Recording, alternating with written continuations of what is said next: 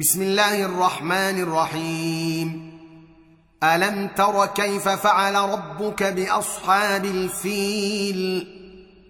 ألم يجعل كيدهم في تضليل وأرسل عليهم طيرا أبابيل ترميهم ترميهم بحجارة من سجيل فجعلهم كعصف مأكول.